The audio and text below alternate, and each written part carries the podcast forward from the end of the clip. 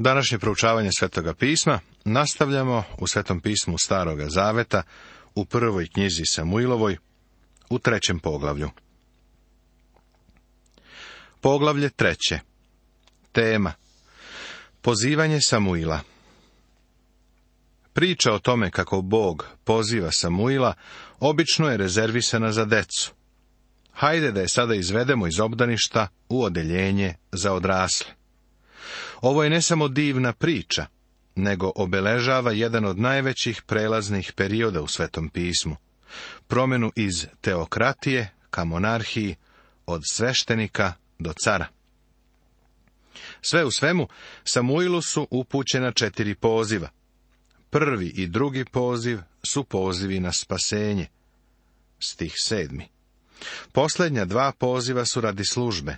Stih deseti kao što je Alisa u zemlji čuda, koju je navodno napisala Karol za Alisu Lidel, prijateljičinu dete, bila filozofska optužba protiv tadašnjeg društvenog poretka, tako je i priča o pozivanju Samuila mnogo više od lepe priče za decu. Ona pokreće drastične promjene oblika vladavine. Period sudija je završen, a Bog više neće delovati preko sveštenika. On sada podiže sveštenika prorok. Samuilo će služiti gospodu, ali će njegova služba biti proročka. On će izliti ulje pomazanja na oba cara, na Saula i Davida. Bog nikada neće govoriti direktno caru, nego će mu govoriti samo preko proroka. A dete Samuilo služaše gospodu pred Ilijem, i reč gospodnja beše redka u ono vreme i ne javljahu se utvare. Želeo bih da istaknem reč dete. Samuilo nije bio malo dete. Istoričar Josif kaže da je imao 12 godina. Verovatno je već bio, kako bismo mi rekli, tinejdžer. Samuilo je bio mladić i služio je gospodu pred Ilijem. Četvorogodišnje dete, znate, ne bi služilo gospodu u šatoru. Ovaj stih nam govori da je reč gospodnja bila retka. Bog se u to vreme nije otkrivao. On se tek sprema da se kreće kada poziva Samuila da bude prorok. Bog se kreće od korišćenja sudija i sveštenika ka korišćenju proroka. Prorok je postao govornik i izaslanik pred carem i za cara. Jednom u to vreme ili je ležaše na svom mestu a oči mu počinjahu tamneti, te ne mogaše vidjeti. I Samuilo ležaše u domu gospodnjem, gde beše kovčeg Božiji. I žišci gospodnji još ne behu pogašeni. Sveštenička dužnost je bila da u šator od sastanka unosi svetiljku. Trebalo je da se u nju sipa ulje i da se održava njen plamen. Ilije je bio star.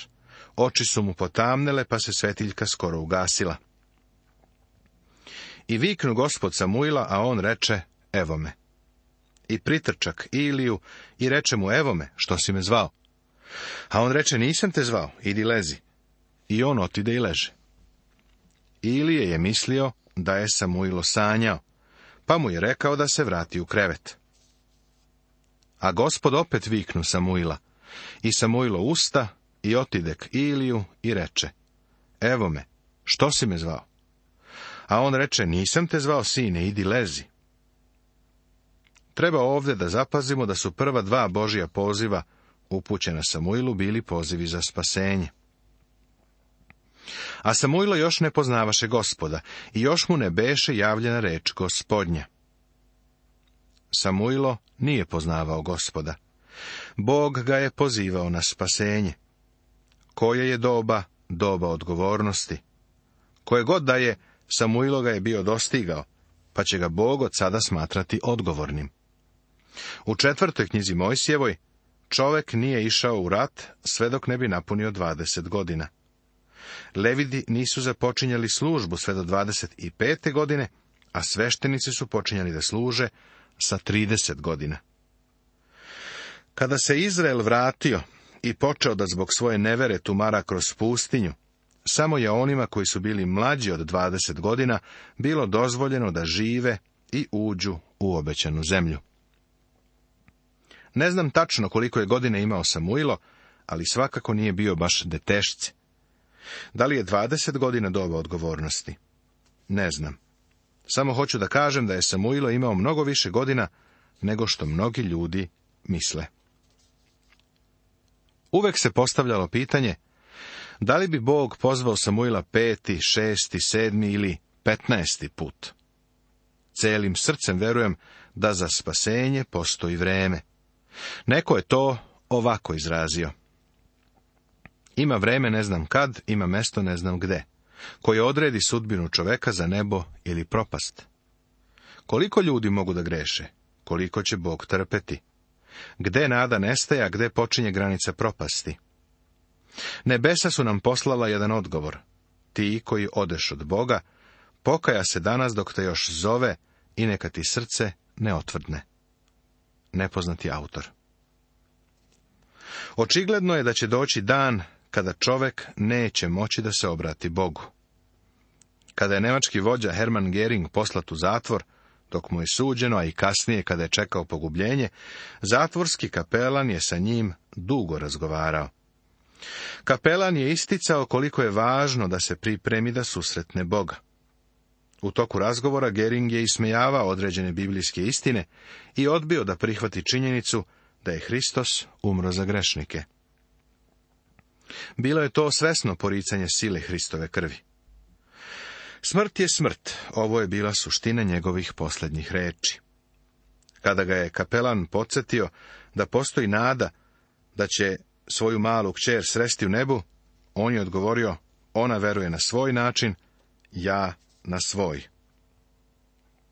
Kapelan je bio veoma obeshrabren kada je otišao. Manje od sata nakon toga čuo je da je Herman Gering izvršio samoubistvo.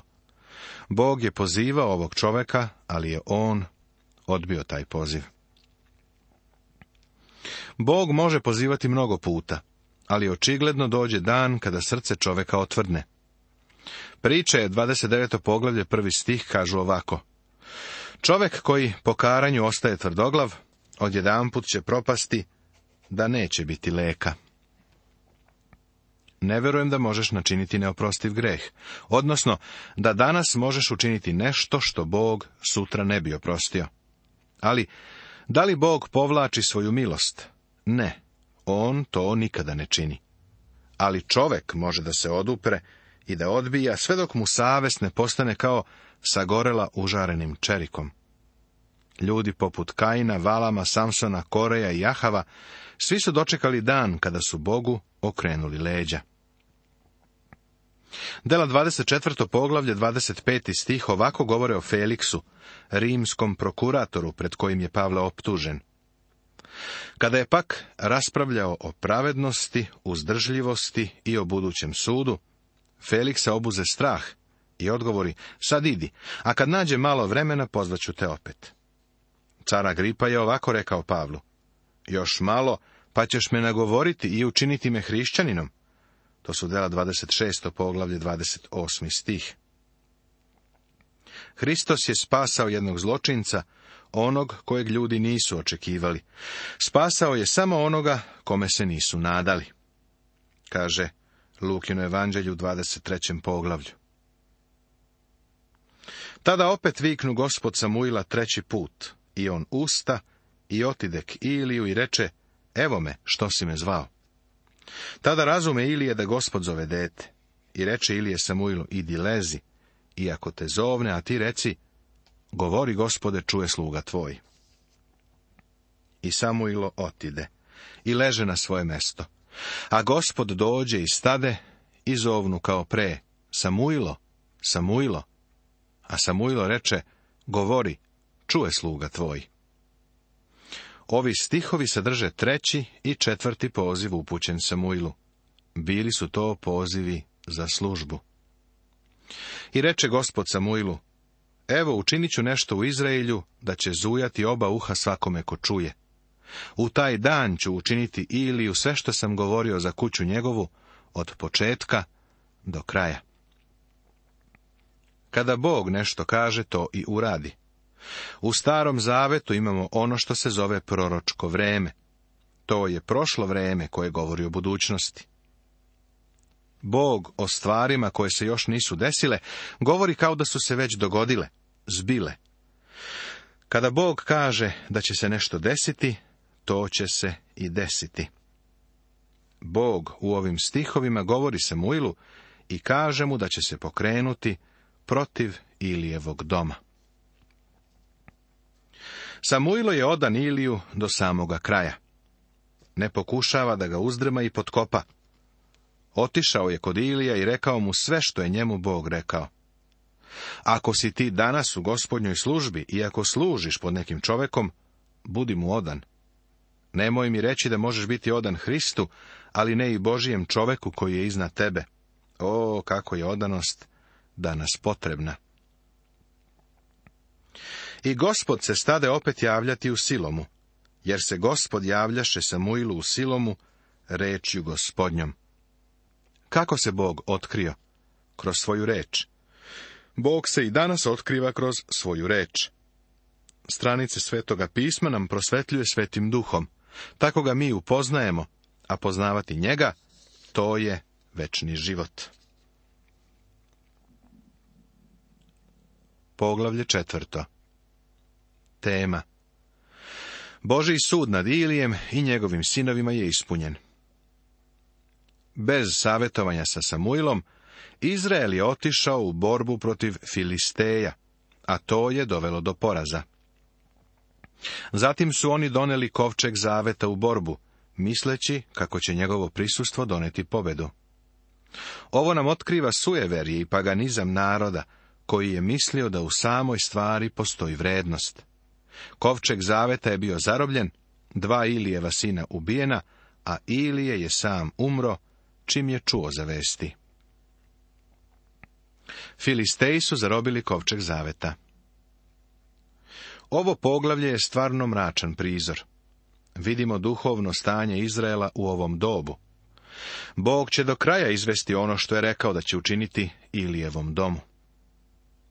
I što reče Samuilo, zbi se svemu Izraelju. Jer Izrael izide na vojsku na Filisteje i stadoše u oko kod Evenezera, a Filisteji stadoše u oko u Afeku.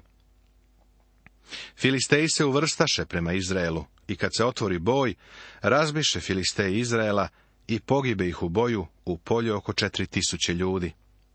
I kad narod dođe u oko, rekoše starešine Izraeljeve, zašto nas danas razbi gospod pred Filistejima? Da donesemo iz siloma kovčeg zaveta gospodnjega, da bude među nama i izbavi nas iz ruku neprijatelja naših.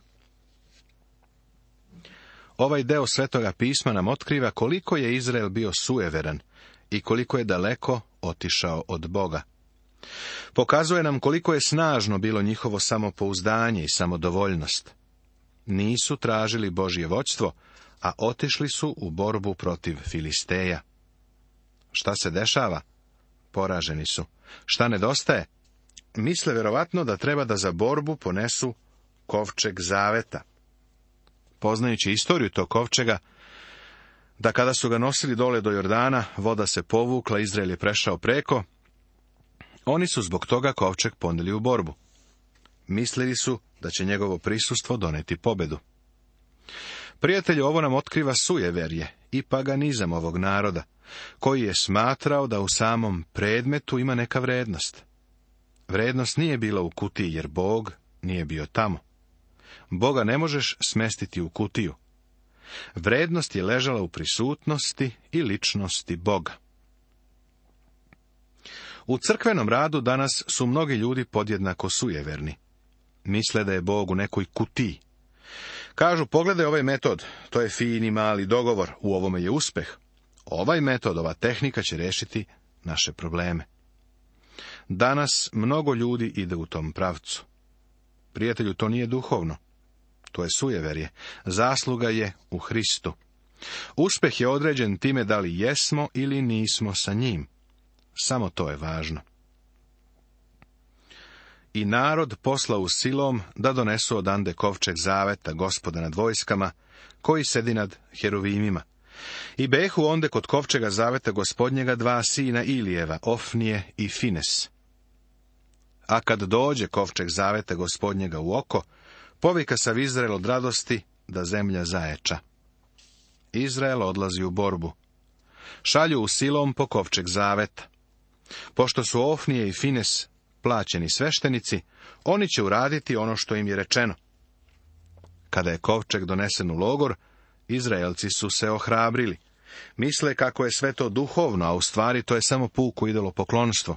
Oni obožavaju kovčeg, a ne Boga. Treba da budemo pažljivi u obredima i ritualima crkve.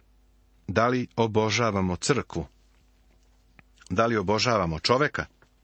Da li obožavamo metod? Da li obožavamo određeno mesto? Ili zaista obožavamo živog i istinitog Boga? A Filisteji, čuvši veselu viku, rekoše, kakva je to vika vesela u okolu jevrejskom? I razumeše da je došao kovčeg gospodnji u oko njihov. I uplašiše se Filisteji kad rekoše, Bog je došao u oko. I govorahu, teško nama, jer to nije bivalo pre. Teško nama, ko će nas izbaviti iz ruku tih silnih bogova? To su bogovi što pobiše mi sirce u pustinji svakojakim mukama. Filisteji su razumeli da je kovčeg zaveta stigao u izraelski logor. Uplašeni su jer kažu, Bog je došao u logor. Za njih kovčeg je idol. To nam pokazuje da su Filisteji bili i neznalice i sujeverni. Iako su čuli za Božju silu, oni su neuki u vezi sa živim i istinitim Bogom. je umire, a slava Božja odlazi iz Izraela. Filistejci i Izraelci se bore i Izraelci gube borbu. Izrael je strašno pogubljen, a Ilijevi sinovi, Ofnije i Fines, su pobijeni. A jedan između sinova Venijaminovih pobeže iz boja i dođe u silom isti dan razdrtih haljina i glave posute prahom. I kad dođe, gle, Ilije seđaše na stolici ukraj puta pogledajući, jer srce njegovo beše u strahu za kovčeg Božiji.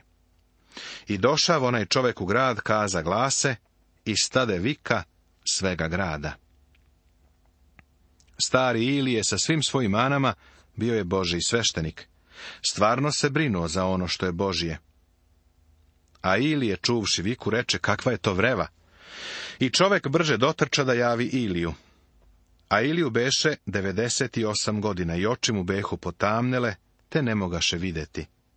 I reče čovjek Iliju, ja idem iz boja, utekoh danas iz boja. A on reče, šta bi, sine?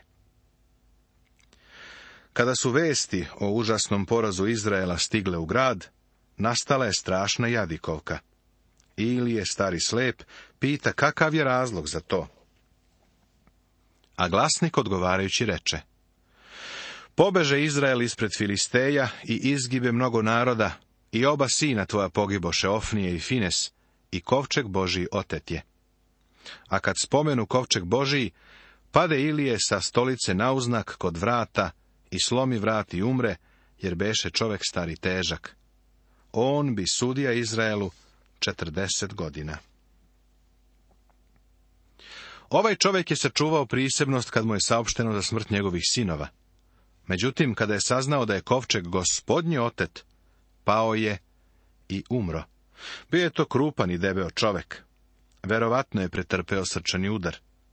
Iako je bio slab i popusljiv otac, verujem da je bio Božiji čovek. Ilijeva smrt Samuila dovodi u poziciju Božjeg govornika i izaslanika. Poglavlja peto i šesto opisuju doživljaje Filisteja sa kovčegom zaveta koji su oteli. Shvatili su da vrednosti nema u kovčegu. On nikako nije bio amailija Zbog toga oteža ruka gospodnja Azočanima, kako kaže prva poslanica Samuilova u petom poglavlju u šestom stihu.